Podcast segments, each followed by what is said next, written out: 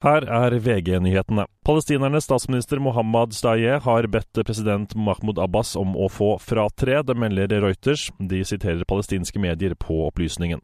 Palestina-demonstranter blokkerer nå to av inngangene til Stortinget. De krever bl.a. at Norge slutter å handle med bosetninger. Russland sendte 14 angrepsdroner og en rekke raketter mot Ukraina i natt. Det hevder ukrainske luftforsvaret, som sier ni droner ble skutt ned. Lørdag var toårsdagen for den russiske invasjonen av landet. En mann er funnet død i vannet i Fredrikstad. Politiet antar at han er i 30-årene. De tror ikke det har skjedd noe kriminelt. Nordmenn reiste rekordmye både innenlands og utenlands i fjor. Vi dro på 30,3 millioner reiser, en økning på over 5% sammenlignet med året før, viser tall fra SSB. Det er det høyeste antallet som er målt i reiseundersøkelsen siden oppstarten i 2002. Alpinist Ragnhild Mowinckel legger opp etter sesongen, det opplyser hun i et Instagram-innlegg. Hun tok avgjørelsen før hun tok sin foreløpig siste verdenscupseier, italienske Cortina di Ampezzo. I studio Andreas Hagen Håkonsen, nyhetene får du alltid på VG.